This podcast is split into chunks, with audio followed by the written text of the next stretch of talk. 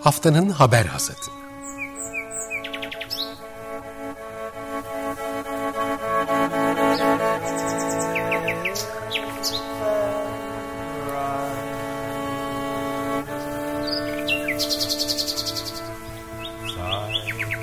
Haftanın öne çıkan iklim haberleri ve araştırmalarından okumalar ve yorumlar.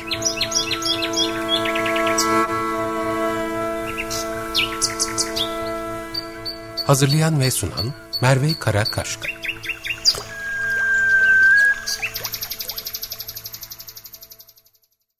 Merhaba, Açık Radyo'da Haftanın Haber Asatı programımıza hoş geldiniz. Ben Merve Karakaşka. Önümüzdeki bir saat boyunca iklim haber ve araştırmalarından özel bir derleme ile sizinle birlikte olacağım.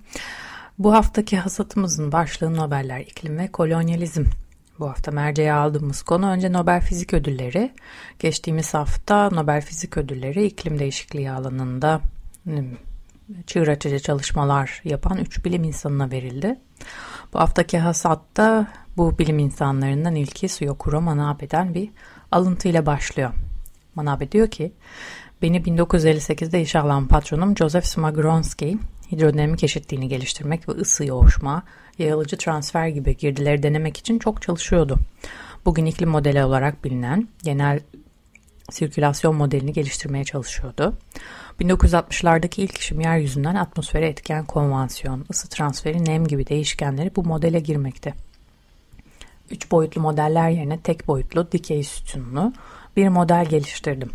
Sonra modeli test etmek amacıyla karbondioksit, ozon gibi çeşitli sera gazlarının seviyelerinin denge sıcaklığını nasıl etkilediğini görmek için değiştirdim. Modelimizin atmosferimizin dikey yapısını çok iyi simüle ettiğini bulduk. Bunun üzerine su buharı, ozon gibi bütün sera gazlarını modelden tamamen çıkardığımda topraktaki sıcaklığın bugünkü seviyesinin 30 derece altına indiğini gördüm. O dönemde sera gazlarının ne kadar önemli hale geleceğine dair hiçbir fikrim yoktu. Onların toplum üzerinde bu kadar önemli etkisi olacağına dair de hiçbir fikrim yoktu. Diyor Manabe. Şu an Princeton Üniversitesi'nde çalışmalarına devam ediyor ve bu röportaj, bu alıntı 2015 tarihli Carbon Brief yayınına verdiği bir röportajdan. Burada röportaj verme sebebi ise e, o dönemde Carbon Brief bilim insanları arasında bir çalışma yapıyor ve e, diyor ki sizin sizce in, bilim insanlarına soruyor ve sizce tüm zamanların en etkili iklim makalesi nedir? Kim kime aittir diye soruyor.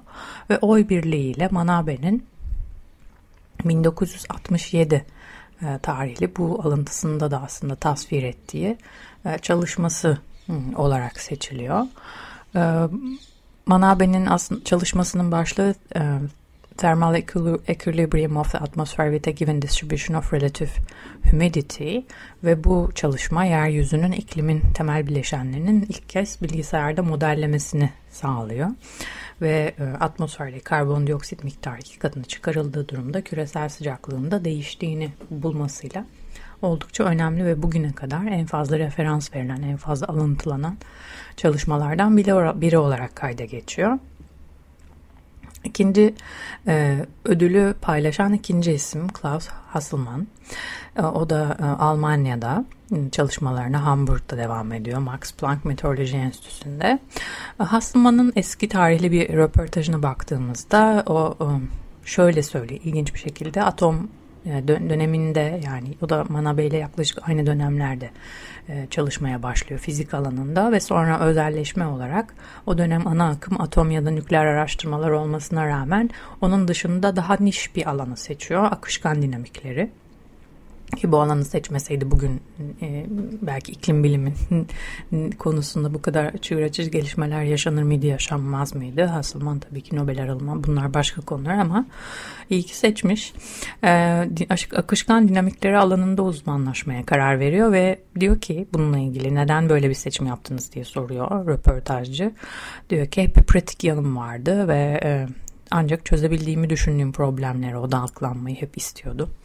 Ee, ve daha somut buluyor bu alanda. Daha teorik, fiziğin teorik tarafında değil de daha somut tarafında çalışmak istediğini söylüyor. Manabe'den yaklaşık 10 yıl sonra e, Manabe'ninki gibi bilgisayar simülasyonlarının hava durumunu tahmin etmenin zorluğuna rağmen iklimin geleceğini güvenilir bir şekilde tahmin edebileceğini gösteriyor. Yani iklim ve hava durumu arasında insanların ilk zamanlarda çalışmalarda yorum karmaşası elbette çok ciddi. Bu uzun vadede ki değişikliklere iklim diyoruz yakın vadedeki değişikliklere şu, bugün bunları ayırmak her ne kadar kolay olsa da veya trendleri seyretmek haliyle elimizdeki veriler bugün için e, bunun mümkün olmadığını da biliyoruz. Bu yüzden Hasselmann'ın çalışmaları oldukça önemli. Ee, insanların iklim üzerindeki etkilerinin günlük hava durumu verilerindeki o kaotik dalgalanmalara rağmen açıklığa kavuşturulmasını sağlıyor çalışmalarıyla. Hmm, Hasselman hmm, Nobel e, Nobel'in YouTube kanalında hmm, web sitesi editörü ödülü aldığı öğrendikten sonra e, bir e, arıyor Hasselman'ı ve eşinin telefonu açtığını duyuyoruz. Sonra sesleniyor ve beraber e, görüşüyorlar. E, sorulan sorulara yanıtlarını da şimdi dinleyeceğiz. Orada Hasselman diyor ki insanların önümüzdeki 20-30 yılda gerçekleşecek bir şey için şimdi, şimdi tepki vermesi gerektiğini anlaması gerekiyor. İklim değişikliği ile ilgili. Ama bir sorun bu. Ve şöyle devam ediyor sözlerine. İnsanları iklim değişikliği ile ilgili yaklaşık 50 yıldır uyarıyoruz ama insanlar gelecek birkaç yılda gerçekleşecek bir şey için şimdi tepki vermeleri gerektiğini kabul etmek istemiyorlar ve iklim bilimcileri olarak bu mücadele ettiğimiz bir konu diyor. Şimdi Hasselman'ın e, bu kısa telefon e, röportajını dinleyeceğiz. Ondan bir kesit dinleyeceğiz. Ardından Hasat'a devam edeceğiz. Um, I was hoping to speak to Professor Hasselman. Yes, uh, Klaus, someone. Hello. Hello. Hello. Is this Professor Hasselman? Yes, this is uh, Klaus Hasselman, yes. Oh, how nice to speak to you. My name is Adam Smith. I'm calling from NobelPrize.org, the website of the Nobel Prize. Well, first of all, many, many congratulations on the award of the Nobel Prize. Oh, thank you. I'm completely surprised. I can't quite understand it, but uh, I accept it. Okay, wonderful. how, how, did the news reach you? Uh, I was got a call about 10 minutes ago, uh, which my, my wife uh, took and uh, she explained that something was going to happen, which I didn't quite understand. And apparently, this was this Nobel Prize. So uh, I was quite surprised. It sounds as if it's come as a real bolt from the blue for you. Well, it did. It's entirely the bolt from the blue. I'm, I, I quite, I'm quite surprised. I, I, I cannot understand this. I'll wake up tomorrow morning and find out. Yeah. the the Nobel Committee for Physics um, emphasised that you know with this prize they want to um, show that the our knowledge about the climate is based on truly rigorous scientific foundations. Yeah. Mm-hmm. Yeah. And of course, I mean, this, this, has been the basis of your work. That, that's right. Yes, I've, I, I can. I'm a physicist, and uh, I came to climate as a, as a physicist. So uh, this is true. Yeah. Mm-hmm. Mm.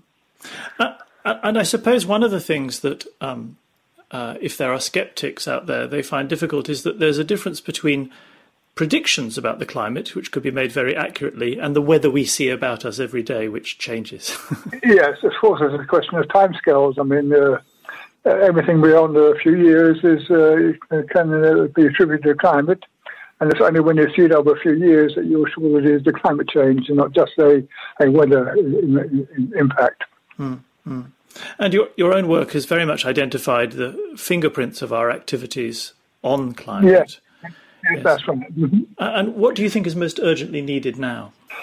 Uh, most urgently needed is some action against climate change. I mean, there are many things we can do to prevent climate change, and there's a whole question of whether people will realize that something which will happen in 20 or 30 years is something which you have to respond to now. And uh, that's the main problem with the climate change ever since. I mean, we've been uh, warning about climate change for about 50 years or so, and uh, it's just that people are not willing to accept the fact that they have to react now to something that will happen in a few years. And uh, this is uh, something we've been uh, sort of battling against now for many years as climate scientists. Açık Radyo'da Nobel Fizik Ödülünü paylaşan Klaus Hasselmann'ı dinledik. Ee, şimdi ödülün üçüncü ortağı bugün ıı, Sapienza Üniversitesi Roma'da görev yapan Giorgia Parisi. Ee, Nobel'de ilk kez karmaşık fiziksel sistemlerin bahsedilmesini de sağladı aynı zamanda. Nobel Fizik Komitesi'nin altını çizdiği karmaşık sistem yerkürenin iklimi. Ve e, Paris'in bu çalışmaları e, özellikle iklimin anlaşılmasında anahtar niteliğindeydi. E, fakat çok daha geniş bir alanı kapsıyor. Beynin beyin gibi karmaşık bir sistem, finans, sürü halinde kuşların uçuşu gibi çok çok geniş alanları uyarlanabiliyor Paris'in çalışmaları da. Bu önemli Nobel haberini takiben bir başka çalışmaya geçeceğiz şimdi hasatta. Yani dikkatini çeken, dikkatinizi çeken siz de benim gibi bakıyorsanız aslında Nobel'in verildiği 3 fizik bilim insanı çok değerli, çok saygıdeğer işler yapıyorlar. Ama üçü de küresel kuzeyden geliyor. Üçü de erkek ve beyaz. Bu bir tesadüf mü? Aslında değil. Bunu araştıran yine Carbon Brief'in yeni bir çalışması da geçtiğimiz hafta yayımlandı. Son 5 yılda en fazla alıntılanan 100 iklim bilimi araştırmasına bakıyorlar ve bu araştırmaların 1300'den fazla yazarla çalışmış oluyorlar aslında bu araştırmalara bakarken ve bu çalışmaların dörtte üçünün Avrupa ya da Amerika Birleşik Devletleri'nden bilimsel enstitülere ilişkili olduğunu buluyorlar. Araştırmanın amacı zaten oradaki yani küresel kuzey-güney dengesi, cinsiyet, e, toplumsal cinsiyet tandanslarına bakmak bütün bu çalışmaların ki e, aslında bilim bilimin de kolonyalizmden pay aldığını biliyoruz. E, bu kalıpların da izini sürmek.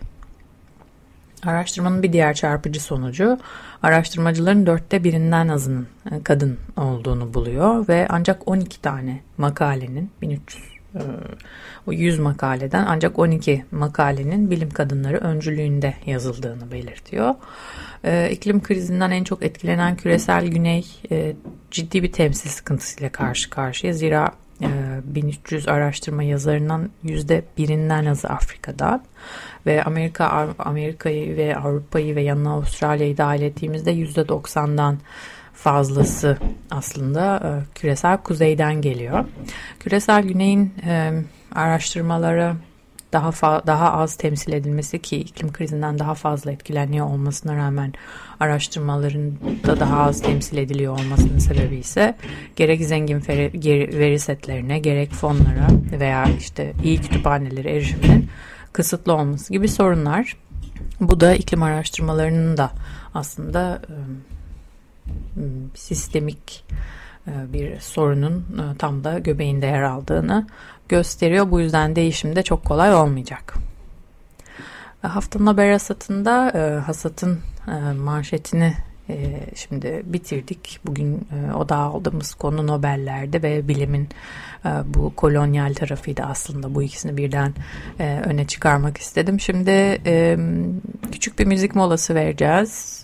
Climate Declares Emergency, Music Declare Emergency'den bir sanatçı, destekçisi Elephant Sessions'ı dinleyeceğiz. Elephant Sessions bize Summer isimli şarkısıyla seslenecek.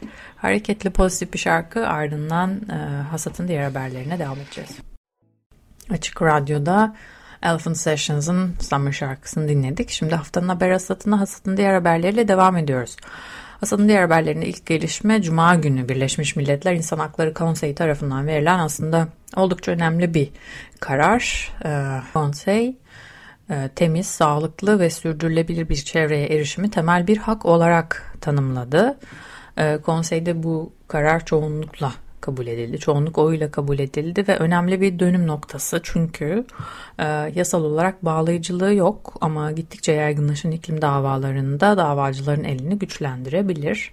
Zira e, artık biliyorsunuz iklim davaları e, doğrudan şirketlere veya hükümetlere açıldığında e, eskiden olduğu gibi tazminat değil doğrudan insan haklarının temel haklarının ihlal edildiği iddiasıyla destekleniyor. Bu iddiaları destek iddiasıyla açılıyor ve bu iddiaları desteklemek için de bu karar oldukça geçerli, önemli bir dayanak sunuyor. Ee, Dünya Sağlık Örgütü yıllık 13 nokta gerçekleşen 13.7 milyon ölüm ki bu tüm ölümlerin yaklaşık dörtte birine tekabül ediyor. Hava kirliliği ve kimyasallara maruziyet gibi çevresel risklere bağlı olarak gerçekleştiğini tahmin ediyor. E, tabii burada bu sayıların aslında daha yüksek olduğunu söylemek de mümkün. Çünkü e, henüz bir sürü atıf bilimi gelişiyor, bir sürü araştırma yeni yeni yapılıyor. Geçtiğimiz hafta açık, e, hatırlarsanız belirli kimyasalların aslında doğrudan kanserojen olmasına rağmen araştırmalarda çok daha az e, yer aldığını, bu konuların da daha yeni yeni aslında açıklığa kavuştuğunu söylemek mümkün. Yani Birleşmiş Milletler'in e, temiz çevreye erişimi temel bir insan hakkı olarak nitelemesi bu yüzden oldukça önemli. Şimdi sırada bir başka insan hakları ihlalleriyle ilgili bir başka aslında temelinde yine kolonyalizmle ilgili çok ilginç bir haber var. Aslında defalarca defalarca karşımıza çıkan e, bir e, tablo e, palm yağı ile ilgili e, uluslararası bir STK Global Witness e, birçok hızlı tüketim markasının bağlantılı olduğu bir suçlar zincirini ortaya çıkardı. Bir araştırmacı gazetecilik yaparak bir kimlik gizlemesiyle yine. Şöyle e, Papua Yeni Gine'de gerçekleşiyor. Papua Yeni Gine dünyadaki en büyük üçüncü yağmur ormanlarına ev sahipliği yapıyor. Çok dünyadaki türlerin sayılı var olan türlerin yaklaşık %5'inin bulunduğu tahmin ediliyor bu yağmur ormanlarında. Ve bu yağmur ormanlarının ciddi kaldığı yani bu yağmur ormanlarına karşı en büyük tehdit e, bölgede tarım ve haliyle palm yağının yetiştiriciliği bu ormanları e, kar odaklı olarak yok etmeye başladı. Şimdi bu konuda bir çalışma yapıyorlar. Yaklaşık iki senedir 2019'dan bu yana bu gizli suçu ortaya çıkarmak için çalışmalar yaptıklarını söylüyorlar. Ve aralarında Kellogg's, Nestle, Colgate, Danone, Hershey, PZ Cousins ve Reckitt Benckiser Imperial Ladle ve Strepsils şirketleri, ana ana şirketlerinin olduğu bir e, zincirin e, Papua Yeni Gine'de doğrudan e, ormansızlaşma, çocuk işçi çalıştırılması, insan hakları ihlalleriyle bağlantılı olduğunu ortaya çıkarıyorlar. Global Witness üyeleri kimliklerini gizliyorlar ve doğrudan bu ismini saydığımız global şirketlere palmiye tedarik eden e, yerel şirketlerle temasa geçiliyorlar. Bu yetkililerle konuşuyorlar ve onlar doğrudan açıklıyorlar bu ihlalleri ve aslında olayların detaylarını. Bunların ses kayıtlarını da paylaştılar web sitelerinde. globalwitness.org'da yayınlandı 7 Ekim'de yayınlandı bu sonuçlar. Ee, sonuçlar çok çarpıcı. Ee, şunları söylüyor Global Witness'ın web sitesi. Ee, diyor ki e, palm yağı yetkilileri, palmiye şirketlerinin yetkilileri ve üst düzey çalışanları Global Witness araştırmacılarına Papua Yeni Güne e, Gine'nin e, yönetim hükümetinden bakanlara ve üst düzey yetkililere rüşvet verdiklerini söylüyorlar. Polise para verip köylüleri bölgede yaşayan köylülere şiddet uygulattıklarını söylüyorlar. Çocuk işçi çalıştırdıklarını açıklıyorlar ve bir takım vergi kaçırma e, şemalarında yer aldıklarını itiraf ediyorlar. İtiraf değil bunları açıkça paylaşıyorlar, anlatıyorlar, sordukça detayları paylaşıyorlar. Çünkü e, orada suç ortaklığı yapacaklarını düşünüyorlar muhtemelen.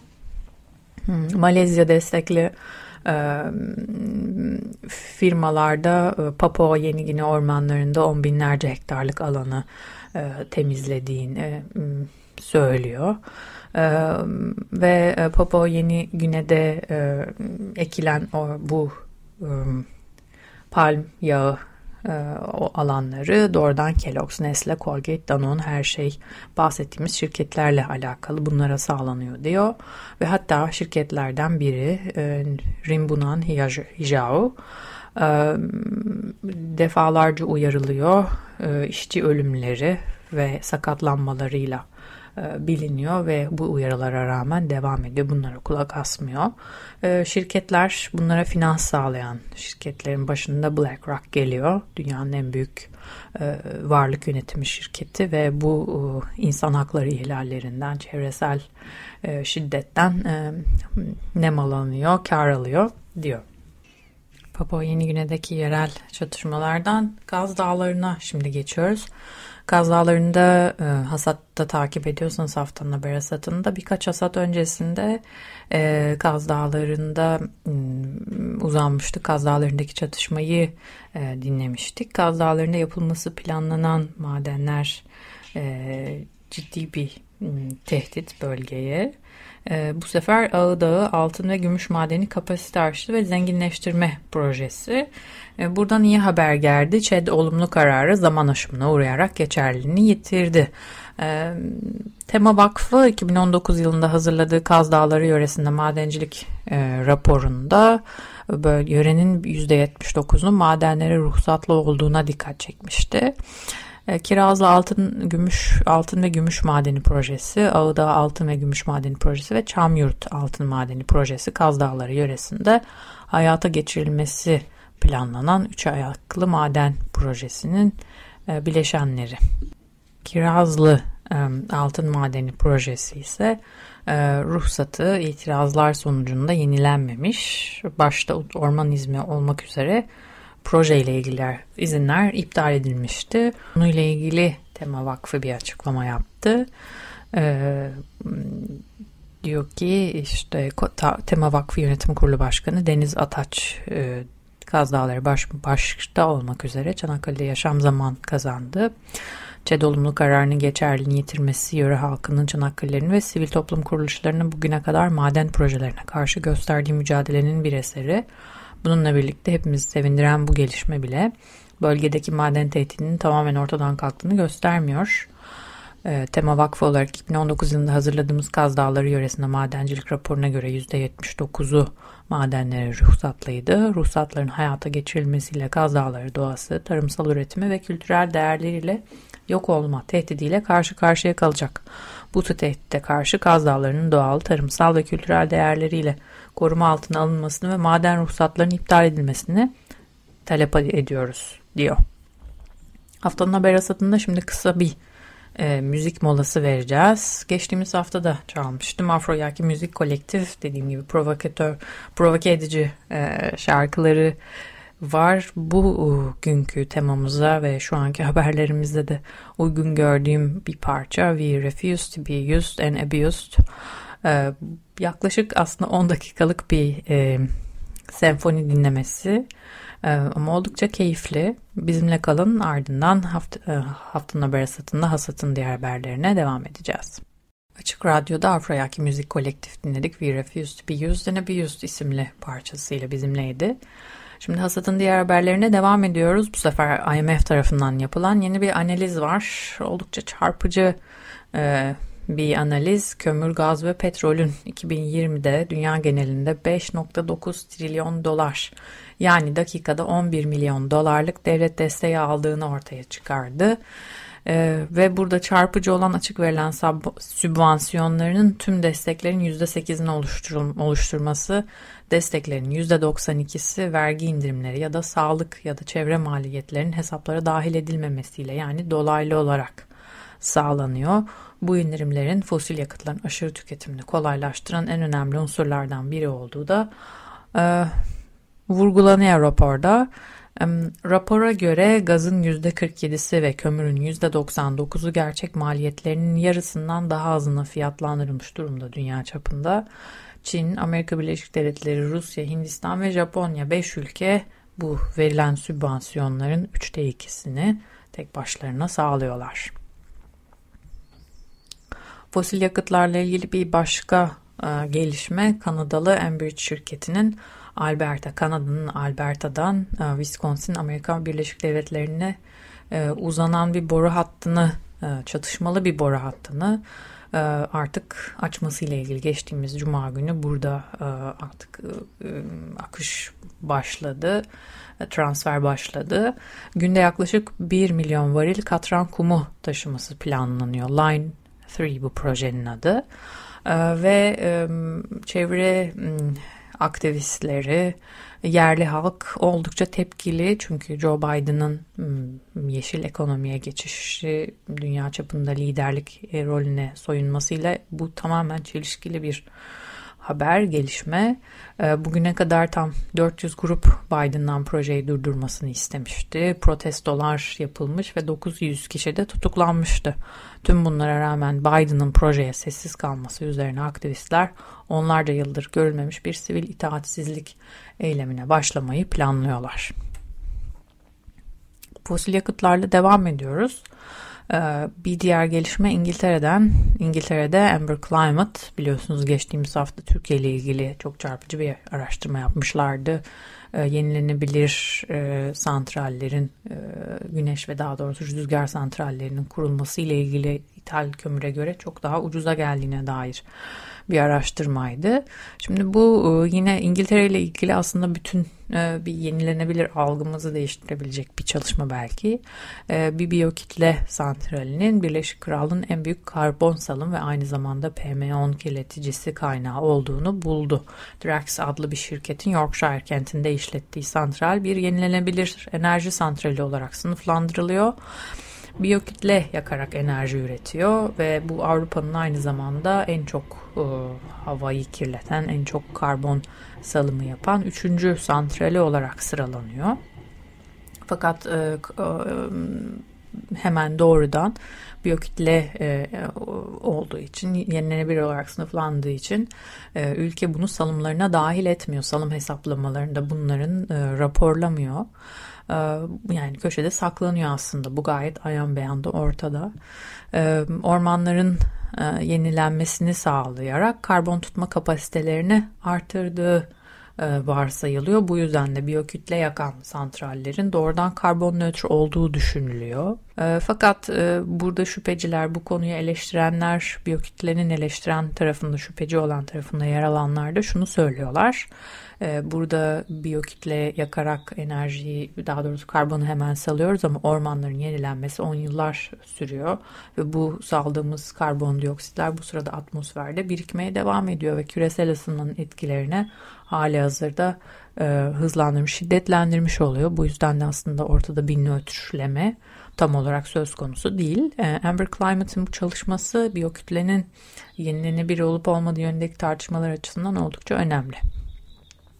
Fosil yakıtlarla ilgili aslında e, bir iyi bir kötü haber diyebiliriz. YouTube ana şirketi Google'dan geldi. Geçtiğimiz hafta e, iklim inkarı kampanyalarının reklamlarını artık yayınlamayacağını açıkladı. Şirket 7 Ekim'de yaptığı duyuruya göre Google reklam verenlerini, yayıncılarını ve YouTube içerik üreticilerini kapsayan kararla birlikte platformlarında tüketilen içeriklerin yanında iklim değişikliğini inkar eden reklamlar göstermeyecek. Ee, ama şirket fosil yakıt şirketlerinin reklamlarını yayınlamaya devam edecek. Yani e, yeşil badana greenwashing hala bütün e, sosyal medya platformlarında, internette e, hala serbest. Bu konuda bir e, düzenleme yok. Bunu da altını çizmek gerekiyor.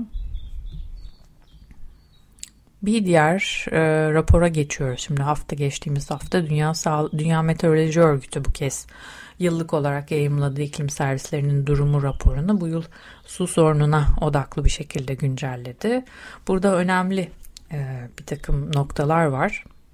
Onlardan ilki son 20 yılda karasal su seviyelerinin yıllık 1 santimetre düştüğünü söylüyor. 2050'de 5 milyar insanın yılda en az bir aylık su erişim sıkıntısı yaşayacağını da öngörüyor bugünkü duruma bakarak. Ve 2000'den bu yana kuraklıkların sayısı ve süresi %29 arttı diyor. Aynı sürede selle ilgili felaketlerin sayısı ve süresi ise %134 uzadı. Yani e, şunu söylüyor. Dünya Meteoroloji Örgütü hem çok az su hem de çok fazla su ikisi birden e, bir problem dünya çapında.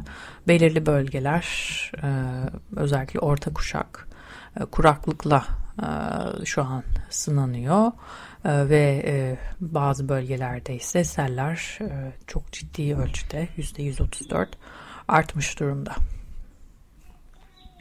Türkiye'ye dair önemli bir haber. Birkaç hafta önce aslında onaylanmasının gündeme gelmesiyle haftanın haber hasatında mercek altına almıştık. Paris Anlaşması onaylanması durumunda bizi neler bekliyor?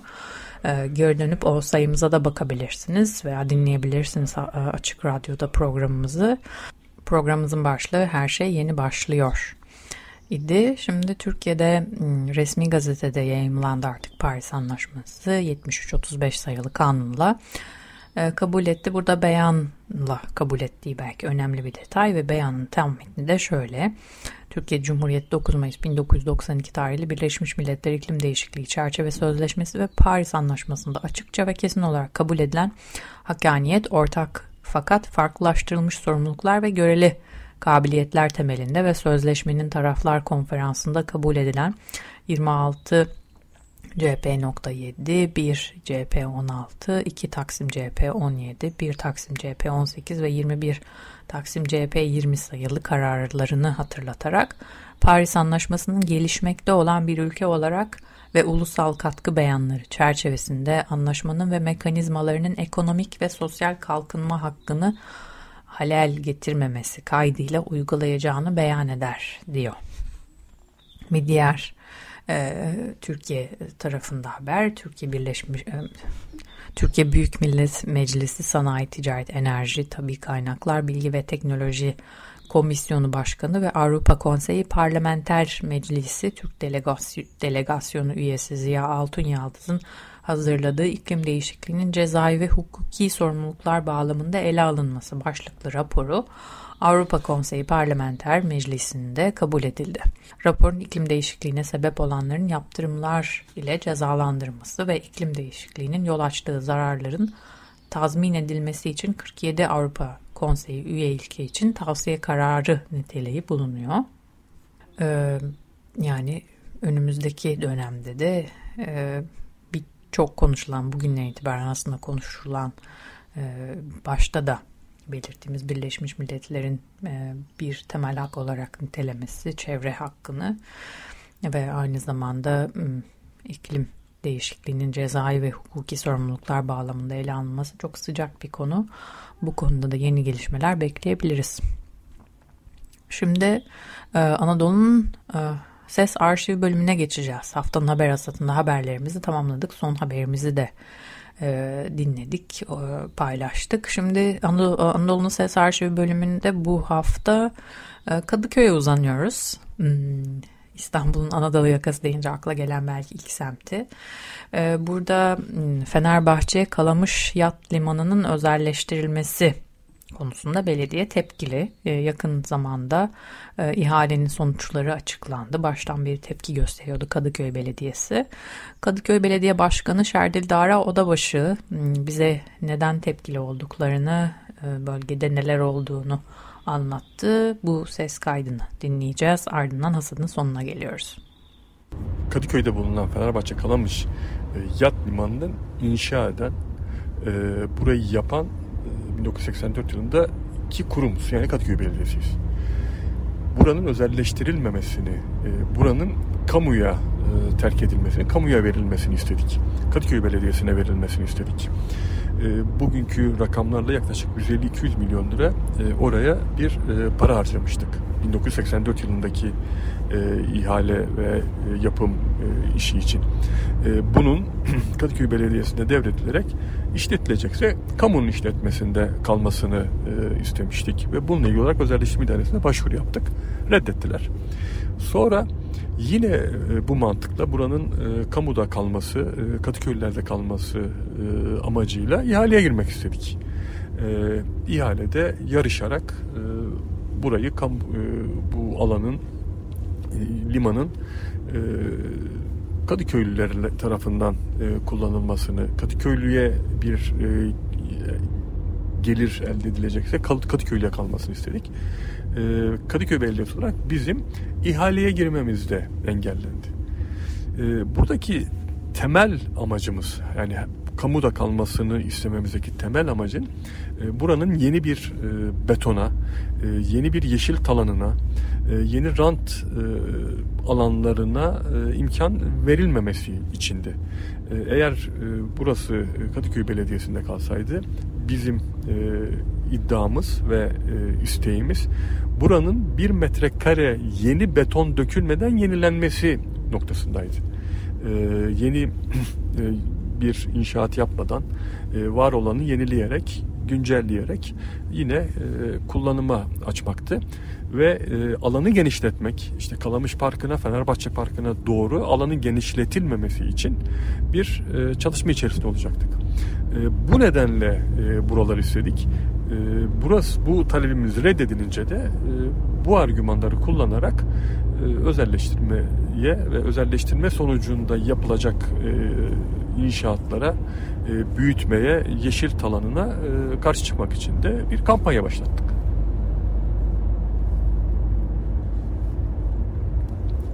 İhale sürecini nasıl değerlendiriyorsunuz? E, ihale sürecinde e, biraz önce de söyledim. Bizim e, taleplerimiz reddedilince e, özel iş dersi bir ihale e, sürecini başlatmıştı zaten.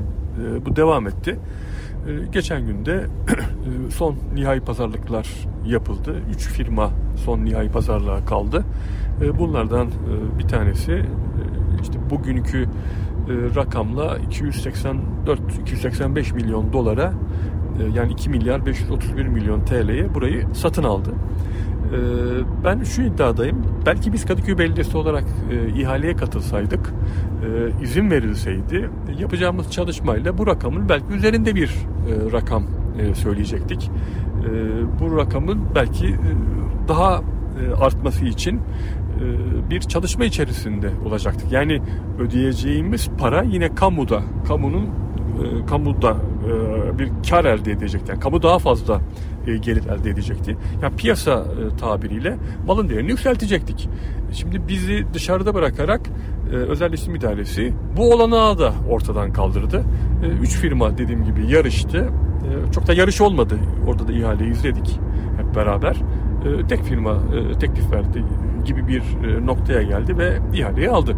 İlginç olan daha önce yapılan ihalede de bu firmada kalmıştı. O günkü dolar kuru üzerinden yapılan hesaplamalarla yaklaşık yarı yarıya rakam. İşte burada şu soruyu sormak gerekiyor. Ekonominin bu kadar daraldığı, paranın bulunmasının zor olduğu bir dönemde Türkiye'nin yaşamış olduğu problemler e, dahilinde bu özelleştirmeyi yapmak yine piyasa tabiriyle çok doğru muydu? Bana göre değildi çünkü e, tüm e, dünyanın Türkiye'ye bakışı belli. Faiz oranları e, her gün yükseliyor. Uluslararası yatırımcıların Türkiye'ye güveni yok.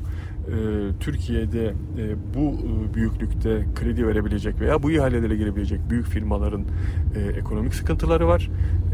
Bunların hepsini üst üste koyduğunuz zaman e, rekabetçi bir e, yarışmadan bahsetmek mümkün değil. Peki ihale sonucunda kamuoyunda sizin açıklamanız ardından e, Tekart Koç Holding evet. e, ortaklığının almış olmasından sebep siz bunu duyurunca e, benim burada e, bir firmayı e, kayırmam veya bir firmayı karşıma almam gibi bir durum söz konusu değil. E, bu projeyi orada e, yeşile e, kim yeşili kim talan edecekse e, Kalamış Parkı'nı e, veyahut da Fenerbahçe Parkı'na yönelik kim büyüyecekse buraları e, kamuya kapatacaksa ben ona karşıyım. Bu A olmuş, B olmuş, C olmuş benim için hiç fark etmez. Ben burada firmalardan bağımsız işin yapılması istenilen özelleştirilmesine konu olan yerin somut özellikleri üzerinden itirazlarımı ortaya koyuyorum. Yoksa e, alan firmanın e, buraya umarım e, buraya hiçbir şey yapmazlar. Yani hiçbir şey yapmazlar derken e, sadece yenileyip e, yeni bir e, imar artışına e, girmeden, yeni inşaat alanları yaratmadan, Kalamış Parkı'nı e, işgal etmeden veya Kalamış Parkı'na yönelik bir genişleme yapmadan kendi içerisinde çözerler bu sorunu. E, o zaman bizim onlara diyecek bir e, sözümüz olmaz. Ama dediğim gibi parkın içerisine girerlerse, e, Kalamış Parkı'nı kaybedecek noktaya gelirsek, e, orada yeni inşaat alanları yaparlarsa ve bu Kadıköylü tarafından eleştirilirse, hoş görülmezse ben de Kadıköy halkının bir temsilcisi olarak bu itirazlarımı yaparım, yapmaya da devam ederim. Bundan sonraki süreç hukuk çerçevesinde yürüyecek. Biz davalarımızı zaten açmıştık. Bu davaların sonuçlarını bekleyeceğiz. Şöyle bir bir hukukçu, avukat olarak bir hukuki görüş anlamında bunu söyleyeyim. İmar planlarının iptal edilmesi için, iptal edilmesi üzerine 32 Kadıköylü komşumuz Anayasa Mahkemesi'ne bireysel başvuruda bulundu. bu bireysel başvuru sırasında bir hak ihlali kararı verilirse bu dava yargılama yeniden yapılacak. E, o zaman bu yargılama yeniden yapıldığı zaman çıkacak sonuç e, özelleştirme idaresinin aleyhine olursa e, ihaleye konu proje iptal edileceğinden dolayı ihale kadük hale gelecek. Biz bu itirazlarımızı başta yaptık. Bekleyin bu davalar bitsin. Ondan sonra ihaleye yapın. Belki firmalar onun için başka firmalar gelip girmedi, teklif vermedi. Niye acele ettiler? Niye davaların bitmesini beklemiyorlar? Kadıköy Belediyesi'nin açmış olduğu plan iptalleri davası halen derdest. Ee, özelleştirmenin yapılması ile ilgili olarak açmış olduğumuz davamız halen derdest. Kadıköy Belediyesi'nin ihale dışı bırakılması ile ilgili açmış olduğumuz davamız derdest. Bunlardan bir sonuç çıktığı zaman mesela şöyle söyleyeyim Kadıköy Belediyesi ihaleye girecekti. İptal edildi. Ee, Kadıköy Belediyesi ihaleye giremediği için ihale iptal edildi. E ne olacak? Bu kadar emek, para, çaba hepsi boşa geçecek. Biz bunların hepsinin beklenip bir sonuç, somut sonuca ulaştıktan sonra ihale edilecekse ihale bunları bari bekleselerdi. İtirazlarımız bu konudaydı. Açık Radyo'da Kadıköy Belediye Başkanı Şerdil Dara Oda başını dinledik. Fenerbahçe Kalamış Yat Limanı'nın özelleştirmesi ihalesi sürecini ve buradaki itirazlarını paylaştı. Ee, şimdi hasatın sonunda söz bitmeden bölümünde iki yaratıcı iş var. Ee, işler var aslında. Birincisi Helen Blanken, e, Hollandalı bir e, sanatçı. E, Habitat isimli çalışması Leiden Naturalis Biyoçeşitlik Merkezi'nde taş, fosil ve mercan gibi organik eserlerin üç boyutlu taramalarını oyun benzeri meditatif bir ortama dönüştürüyor. Ee, etkileşimli bir sergi, habitatı ziyaret edenler farklı sesleri içeren ortamlara eşlik edip sürekli gelişen bir dijital dünyada geziniyor. Bir yandan da doğa harikalarıyla yeniden bağlantı kurma fırsatı yakalıyor. Amsterdamlı sanatçının sergisi 31 Ekim tarihine kadar Zorlu PSM Sky Lounge'da görülebiliyor. Bir diğer önemli ve çok güzel bir gelişme 13-19 Ekim tarihleri arasında Bozcaada Uluslararası Ekolojik Belgesel Festivali düzenleniyor. Bu yılki teması Evimiz Yanıyor. Dünya çapında ve Türkiye'de görülen yangınlar üzerine bu hmm, temayı geliştirdiklerini anlatıyorlar. 100 ee, ülkeden e, binin üzerinde filmin başvurduğu festivalin finalinde toplam 15 film gösterilecek. Ee, ve iki film var Türkiye'den. Bunlardan biri Bir Ömür Anadolu ve diğeri Sıradan Birkaç Gün adında iki tane belgesel yapım. E, festivalle ilgili eğer e, Bozca'da da değilseniz endişelenmenize gerek yok. Çünkü bu sene de çevirim içi düzenleniyor. Hmm, haliyle Covid nedeniyle endişeli oldukları için e, tamamen de ücretsiz olarak seyredebiliyor bütün filmler. Ee, panorama bölümünde gösterilecek filmlerle birlikte festival süresince 35'i aşkın film dünyanın birçok noktasındaki izleyicilerle buluşuyor. Bozcaada Belediyesi organizasyonu ile gerçekleşen festivalin yönetmenliğini Petra Hozer festival koordinatörlüğünde Ethem Özgüven üstleniyor. Bu hafta Açık Gazete'de de e, çok güzel bir söyleşi yapılmıştı. Dilerseniz oraya da geri giderek festivalle ilgili detayları öğrenebilirsiniz. Şimdi bu festivalde gösterilecek olan Bir Ömür Anadolu filminin fragmanından seslerle haftanın haber asatını bitiriyoruz. Haftaya daha iyi haberlerle görüşmek üzere. Hoşçakalın.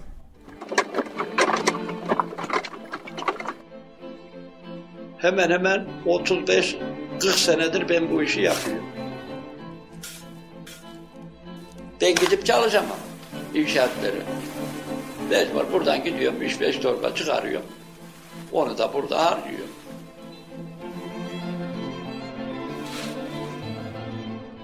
Zaman gelecek ki Konya'da o çokuklar meydana geliyor. Yarın bizim burada da öyle olacak. Kuyu bura bura. Her tarafa kuyu vurdular. Ben ne diyeyim?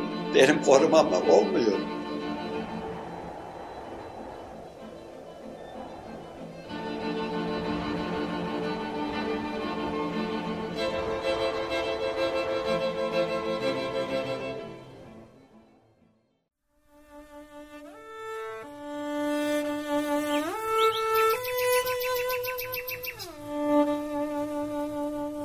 haftanın haber hasadı.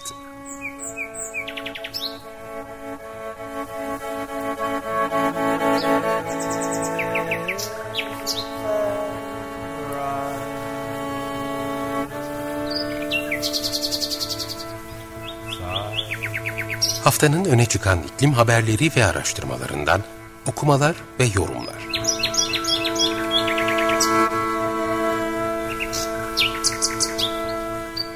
Hazırlayan ve sunan Merve Karakaşka